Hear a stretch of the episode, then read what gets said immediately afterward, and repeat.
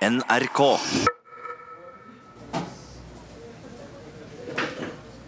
I 2013 så satt jeg og spiste falafel på en liten restaurant. Og Da satt jeg rett overfor den tavleveggen som alle små restauranter med studentrabatt har. Og midt blant fargerike konsertplakater så var det én plakat som skilte seg ut.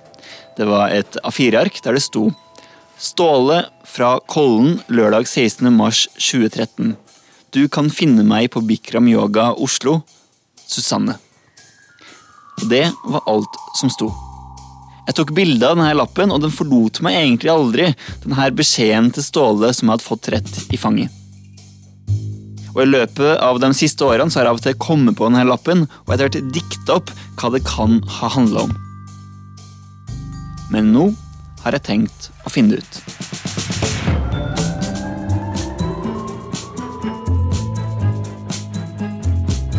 Hvem er Ståle? Jeg heter Remi Horgard, og dette er første episode i en serie fra P3 Dokumentar, Lappen.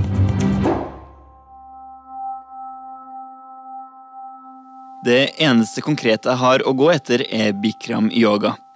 Ifølge nettsidene deres så er det ei som jobber der som instruktør, som heter Susanne.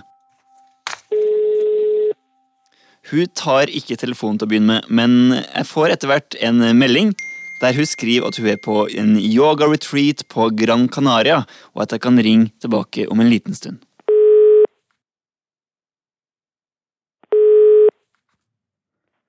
Hallo? Hei, Are we leaving like quickly or? Ok, unnskyld. passer det at jeg ringer, eller? Ja, jeg kan prate litt. grann. Hva skjer egentlig? Ja, du, det her eh, kan kanskje høres rart ut, for du hang opp en plakat på en kafé på en liten restaurant i Oslo som heter The Caspa. Jeg hang, hang opp en lapp. På plakaten så sto det nemlig eh, Ståle fra Kollen lørdag 16. mars 2013. Du kan finne meg på Bikram Yoga Oslo, Susanne. Oh my god, it's haunting me. Folk har ledd masse av meg av den plakaten der. Oh my god. Men jeg, jeg lurer på kan, Herregud. Nå har jeg faktisk funnet Susanne fra lappen. Og så til det som jeg har lurt på i flere år. Hva var det som skjedde i Holmenkollen lørdag 16. mars 2013? Jeg var oppe på Holmenkollen og så 50 km. Jeg tror jeg hadde Petter Northug, eh, som alltid, og han vant ikke. Men så var det sånn første gang de hadde after, eller sånn stor fest oppe på Holmenkollen. Det var i et sånt telt, sånn øltelt som de hadde på kvelden fra klokka seks etter at gutta hadde gått 50 km. Og et øltelt som drakk øl, og det var et um, danseband. Og så, så møtte jeg en fyr. Vi klikket skikkelig. Jeg så danset, og så kom han og begynte å danse med meg. Så vi liksom danset sånn og sånn sving, på en måte sånn snurra meg rundt og Og så var jeg på ryggen hans, vi hadde jo drukket en del, så man var jo da ganske litt fulle. Så man, man vet kjemi, man bare har en kjemi, da. Jeg husker at han plutselig ble så skikkelig dyp, og igjen, igjen vi snakket ikke sant. Satt ved siden av Holmenkollen, i trappene der, så husker jeg vi klemte skikkelig. og da var det akkurat sånn bare åh, du Han sa et eller annet dypt. Du kjenner meg, føler meg, eller ser meg, eller et eller annet sånt. Men uh, igjen, jeg tror ikke vi kysset. Det var bare igjen sånn derre som jeg bare følte der, da. Men når dere fikk så god kontakt, hva skjedde videre da? Jeg tror jeg hadde skikkelig en dårlig telefon, så jeg prøvde å få inn telefonnummeret, og så virket det ikke sekkerstallet mitt. Du fikk ikke til å lagre telefonnummeret hans? Jeg husker at nummeret hans begynte på sånn 97, og så et eller annet. Jeg husker at vi hadde fire sifre, og så fikk jeg ikke til det siste. Susanne er en analog person i en digital verden. Og midt i kaoset med den gamle telefonen som har et defekt sekstall, så kommer vennene til Ståle og Susanne sin venninne for å se hva som skjer. Og i denne avbrytelsen så tar de det skjebnesvangre valget om å gå på do. De blir skilt i herretoalettkø og dametoalettkø. Og etterpå så finner ikke Susanne Ståle igjen. Han er forsvunnet. Hun blir i Holmenkollen og leter i en og en halv time. Til bandet har slutta å spille, og til festivalteltet er tomt. Helt tomt. Skuffa, litt forfjamsa, men likevel lykkelig drar Susanne hjem. Hun har ikke gitt opp. Da, I mitt øyeblikk der så tenkte jeg at jeg vil lage plakater. Jeg dro opp året etter for å tenke at jeg kanskje skulle møte han faktisk. Tenkte sånn, hei, det hadde vært morsomt hvis han plutselig sånn dukket opp. Venninnene holdt på å le seg i hjel da jeg fortalte det, og de ler jo ennå av det. De forteller jo, snakker jo ennå om Ståle! Hvor er Ståle? Men hva, hva Jeg har da ikke funnet Ståle. Du har ikke funnet Ståle? Ikke funnet Ståle.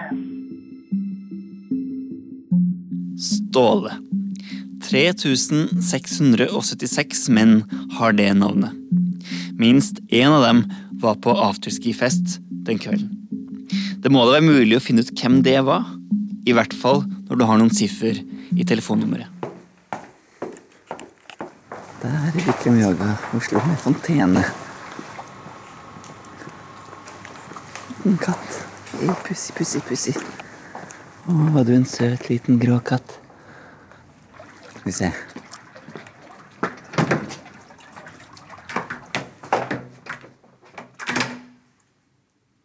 Det var stengt. Hei, Hei, Susanne. Beklager. Det går bra. Jeg kom nettopp. Susanne har krøllete, rødbrunt hår med blomster. Hun smiler med øynene, og hun ser ut som en ja, klassisk yogainstruktør. Hva sa du? Ja, te var kjempegodt. Susanne henter sweet chili yogi-te, og vi lister oss forbi et glassvindu der et tjuetalls folk står på den andre sida i shorts. De balanserer på én fot og lener seg framover, sånn at svetten drypper fra nesetippen og ned på gummimatta.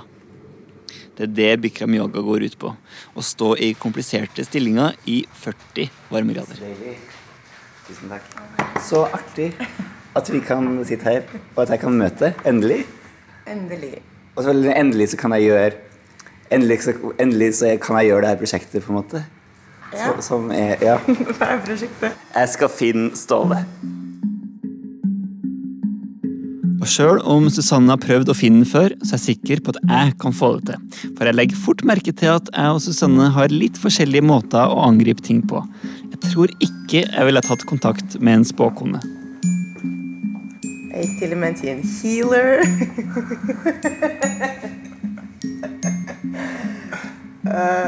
Hva sa healeren, da?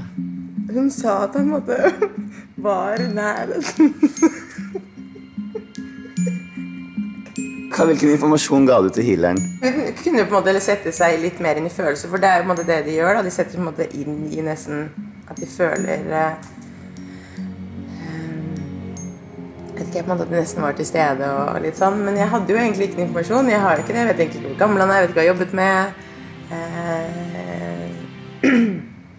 Holdt på å si lue. Kanskje litt mørkt hår. Hvilken farge hadde den på lua? Eh, Den var lys, føler jeg at den var. Når healer allerede er prøvd, så har jeg lyst til å prøve en annen innfallsvinkel. Hva vet vi egentlig?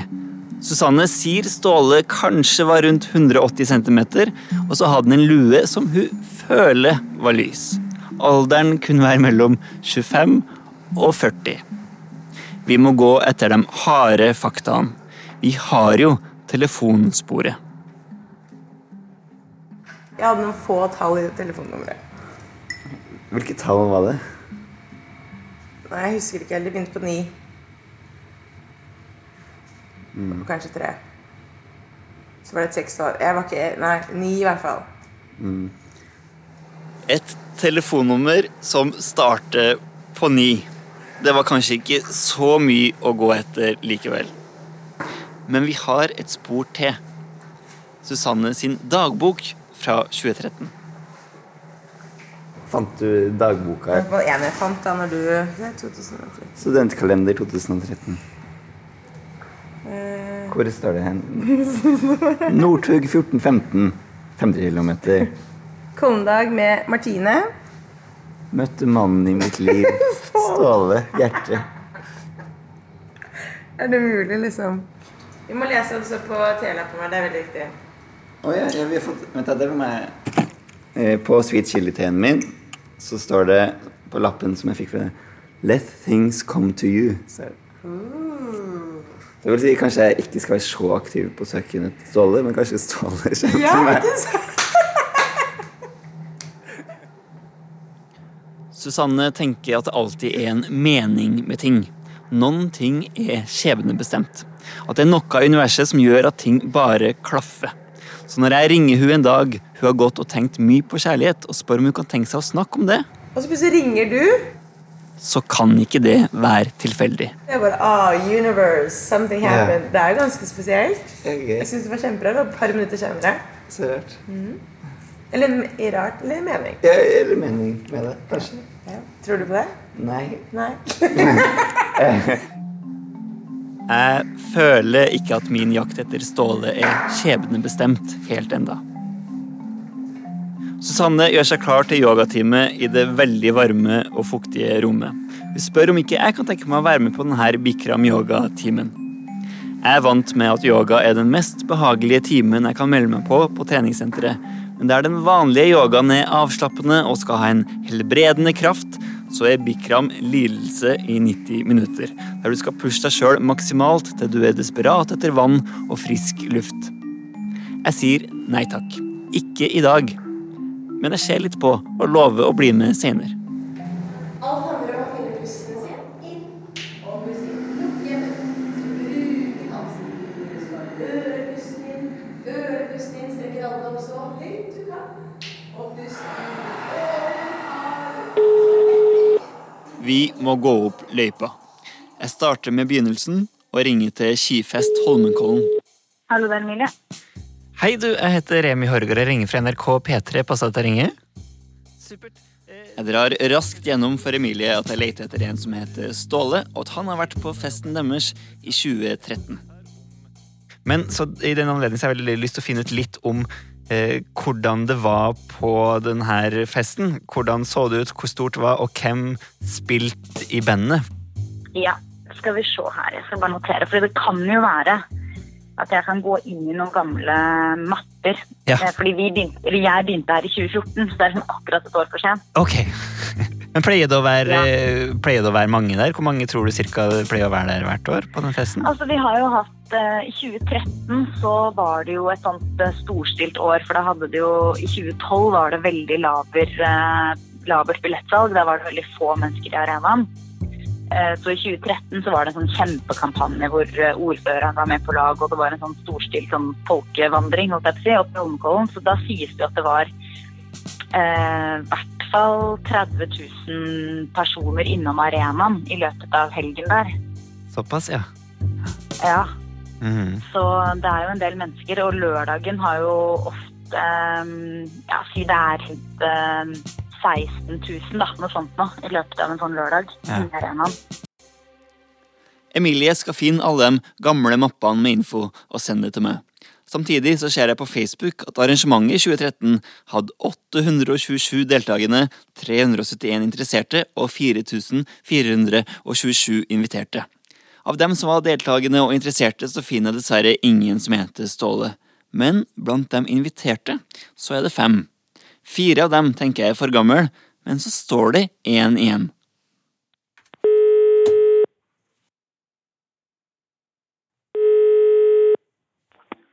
Hallo? Hei, du. Har jeg kommet til Ståle? Det har du.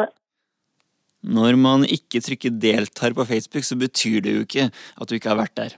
Jeg forteller Ståle kort om arrangementet og lurer på om det ringer noen bjeller. Nei, det gjør dessverre ikke det. Nei, for du, du var invitert på Facebook-arrangementet på det ølteltet, skjønner du. Ja, ja, ja, men det er sikkert riktig.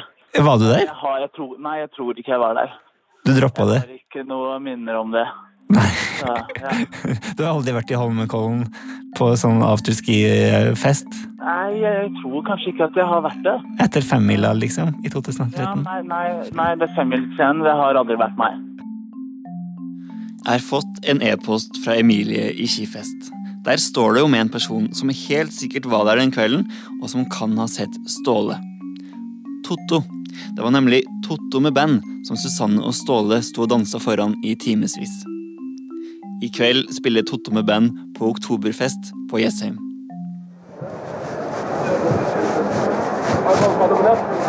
Nei, det er ikke. Du har ikke det? Nei. Du kan kjøpe billetten her. Et sirkustelt er satt opp for anledninga, der publikum drikker av svære ølglass. Halvparten av dem sitter ved bordene, mens resten står oppå.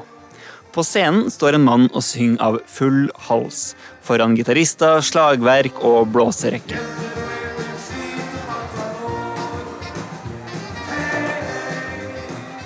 Samtidig som jeg står og venter på at Totto og bandet skal ta en pause, så er det en mann i lederhosen som tar tak i meg, gir meg en klem og vil at jeg skal være med og synge den tyske drikkevisa. Og jeg forstår av allsangen at det ikke er første gang den synges i kveld. Heldigvis er ikke jeg så verst på meme.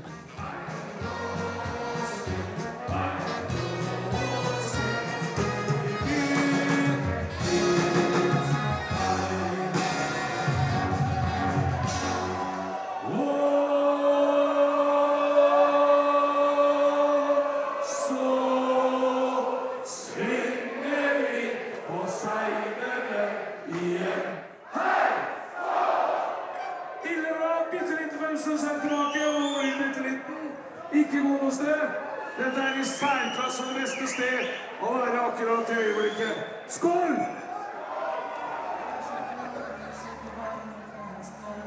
Jeg vinker og prøver å få kontakt med vokalisten som ser rett gjennom meg, da trommeslageren plutselig rekker frem hånda.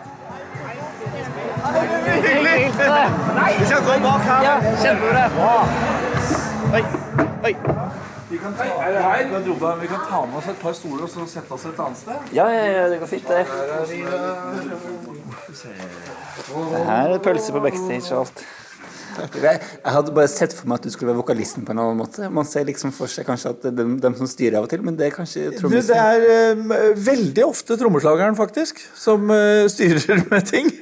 Totto Hansen spiller tromma og organiserer. Og sjøl om han opererer med postfikse med band, så er det ikke et fast band det er snakk om. Når han blir spurt om å spille et sted, så sender han en melding til de artistene som han tenker passer til jobben. Totto gjør det her på fulltid og har spilt i Holmenkollen mange ganger. Jeg forventer egentlig ikke stort når jeg spør om han husker noe fra lørdag 16. mars 2013. Men der tar jeg feil, for Totto han har orden i sakene sine. Uh, mente at jeg hadde Her, vet du. Settlista fra 2013. Så her har du låtene vi spilte. Eh, vi gir alt for Norge, selvfølgelig. Spilte vi jo. Alltid i Holmenkollen. Alltid Holmenkollen. Splitter Pine, Can't Buy Me Love, eh, Come Together. Det er masse forskjellig. altså Play the Funky Music, eh, Kiss, Sign, Seal Delivered. En sånn, veldig gøy at du tar det vare på alle settlistene dine. For nå ser du du har funnet en World Cup 2013, står det. Ja, jeg, jeg tar Her ser du sett én, eh, sett eh, og ekstra Så ja, jeg tar stort sett vare på mye. Du, der, her er ganske på begynnelsen. Her er det Play That Funky Music. Det første låt. Ja. Første låta i første sett den kvelden er sånn. Og så eh, tok vi You Can Call Me Al. Uh, Can't Buy Me Low. Blame It On The Boogie. Low Is In The Air. Det var kanskje da det begynte å skje noe. vet du. Low is in there. Det var da det begynte. Sang nummer seks. Ja, ja, ja. Der. Hender det ofte at folk møtes under konsertene dine? Ja, absolutt. Det gjør jo det. Det er jo mange som møtes, ikke bare mine, men andre konserter og sånn. Eh, Folk er jo i en stemning, og, og hvis stemninga er bra, bandet er bra og sånn, så gir jo det en viss følelse, eller en god følelse, da, til publikum. Får du med deg sånne ting som skjer i publikum av og til? Absolutt. Du gjør det? Ja, ja, ja. Altså, eh, det vet jo kanskje ikke de som er ute og danser som, sånn, men vi på scenen, vi ser, vi har jo veldig god oversikt over hva som skjer ute på dansegulvet og sånn. Det er mye rart også som skjer der, da, ikke sant? Men eh, vi ser jo det at eh, det er folk som finner hverandre og, og eh, ender opp til slutt eh, i sammen og i arm armkroken, for å si det sånn. Det var vel eh, på en jam jeg hadde på et gammelt ærverdig sted som het Josefine i gamle dager. Men så var det et par som jeg så faktisk var forelska før de skjønte det sjøl. Og de er gift og har barn i dag. Og det var en veldig sånn magisk stemning, og de satt og flørta og sånn og skjønte egentlig ikke hva de holdt på med. Du kan ikke huske noen som du så i publikum den kvelden? Love is in the air. Med lue. Ja, jeg med lue og Love is in the air. Love is in the air.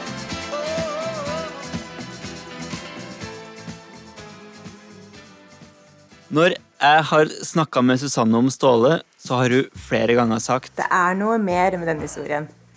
grunnen til at møtet med Ståle skulle bli så viktig, er sterkt knytta til at mora hennes døde veldig plutselig i 2011. Jeg har alltid vært en kjempeglad person, egentlig alltid.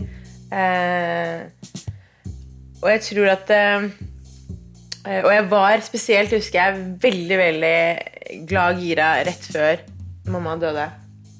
Og hun døde fra liksom ett sekund til neste. Og den, den traumen satte så i meg at den på en måte noen ganger fremdeles er der, egentlig. Og jeg, vet, jeg visste egentlig ikke hvordan jeg skulle klare å leve, virkelig. For mamma var virkelig min ubetingede kjærlighet som Så jeg, jeg var så langt nede. Jeg flyttet hjem til pappa og bodde der og var sånn trygg i den hulen hvor jeg vokste sammen med barndomshjemmet jeg vokste opp i. Um, og bare eksisterte, men var litt sånn hulrom. Jeg husker at alt gikk så Alt var så stille, men selv om ting gikk så fort rundt meg, så var alt sånn kjempestille. Eh, og vi gjorde ingenting. Vi så ikke på TV, vi hørte ikke på radioen. Var liksom, alt var bare i sånne bobler, boble, føler jeg. Men så uh, Så må på en eller annen måte så klarer man allikevel å hoppsi, stå opp om morgenen og liksom være. Men jeg husker at um, det var uh, Jeg har alltid digget Petter Northug og langrenn, og mamma digget også han. Og samtidig som Susanne levde i et vakuum, så hadde Oslo nærmest blitt snudd på hodet av ski-VM som ble arrangert i Holmenkollen. husker jeg jeg satte på. Og jeg og pappa var hjemme og så på. Det gjenstår én kilometer av VM 2011 i Oslo og Holmenkollen. Kommentatoren bare 'Hva er det han gjør?' og 'Har han kontroll?' Ja, ja, Petter Northug har alltid kontroll. Og er Northug i kjelleren? Han skal vel klare å bite seg fast. Og så øker Vyleksjanin på toppen av bakken. Han prøver desperat å riste av seg Petter Northug her. Og Vyleksjanins mulighet er jo å få luke opp bakken de snart går inn i. Ja, så kommer eh, Northug. Og det var det første gangen jeg virkelig følte en sånn eh, For alt hadde vært så mørkt og tungt, og liksom du gråt hver eneste dag og hadde liksom ikke, det var så slitsomt. Og jeg måtte bare tenke på det. Og så sitter man på en måte der, og så kjenner, kjenner hele kroppen nå, faktisk. Og så akselererer han igjen. Så får han meter nok en gang. Skal han avgjøre på flata her? Northug, han gjør vel det. Han har krefter. Det er akselerasjon, det er kraft, det er eleganse. det er Petter Northug på sitt beste. Og nå kan du i hvert fall kalle det Northug-flata, ja. Nei, pappa bare gråt. Jeg bare, Han er så søt, han er så god. Og så bare, klemte vi bare åh. Og det er på en måte, fordi det er jo på en måte den største tingen for Petter Northug, ikke sant? Og for Norge. Fantastisk. Han avgjør sitt tredje gull der oppe. Suser over broa. Har 100 meter igjen. Og gir Pollen-publikum det siste å juble for i dette VM. Han tar femmilsgullet. Femmilskongen Petter Northug. Begge begynte å gråte. Vi bare, oh my God, hva har jeg lagd? Men det var bare helt fantastisk, egentlig. Og det var bare så deilig å føle på sånn glede av eh, noe annet enn bare død og forferdelige ting, egentlig. Og når noen gjør noe bra eller gjør deg glad, så mener Susanne at det er viktig å si det til folk. Så jeg skrev da et brev til Petter Eller jeg skrev ikke brev, jeg hadde tenkt å gjøre det, men så tenkte jeg skulle sende til moren hans, men så skrev jeg det eh, Så jeg sendte det på Facebook. Men vi er jo ikke venner, så han vet ikke om han har lest det. Susanne fikk aldri svar fra Petter Northug, men han skulle på en måte påvirke livet hennes en gang til. To år senere så var Susanne igjen ganske langt ned. For meg så kom, har dette Det har mye å si på egentlig hvordan jeg hadde det egentlig med meg selv. For, det, for det med at mamma døde, har en stor faktor inn i dette egentlig. Mm. For at jeg var eh, helt eh, eh, jeg, var i så sorg at jeg klarer ikke engang å- å beskrive det engang. Og jeg har akkurat blitt slutt med en som jeg var sammen med i USA. Sånn eh, avstandsforhold. Som han var egentlig ganske sjalu og crazy, så han på en måte tok over min sorg, følte jeg. Eh, og så hadde det blitt slutt med han. Det var kanskje bare en uke før. Og det var lite glede jeg hadde i livet, for jeg prøvde å finne eh, ting. Og det var liksom yoga og musikk og sport, idrett, liksom. Langrenn.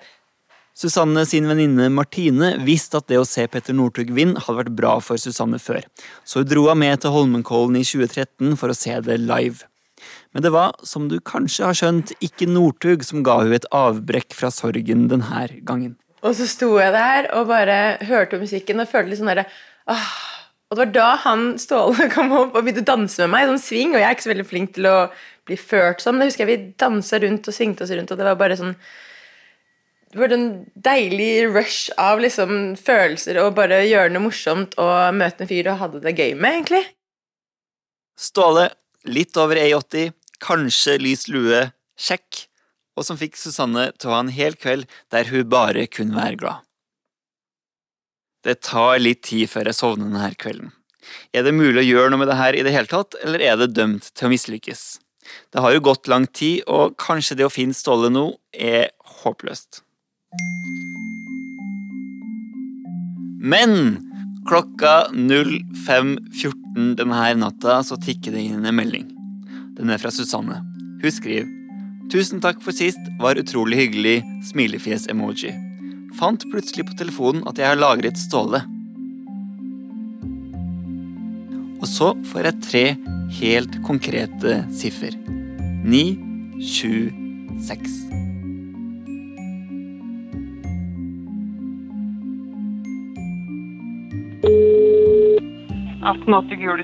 Hei, du. Jeg heter Remi Horgard og ringer fra NRK P3. Eh, du, jeg har en litt kanskje uvanlig forespørsel.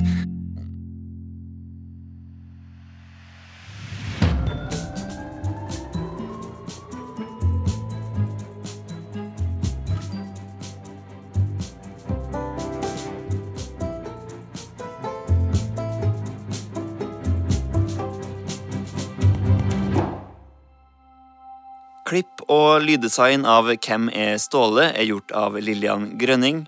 Musikken er laga av Ingebjørg Hagerup. Jeg heter Remi Horgard.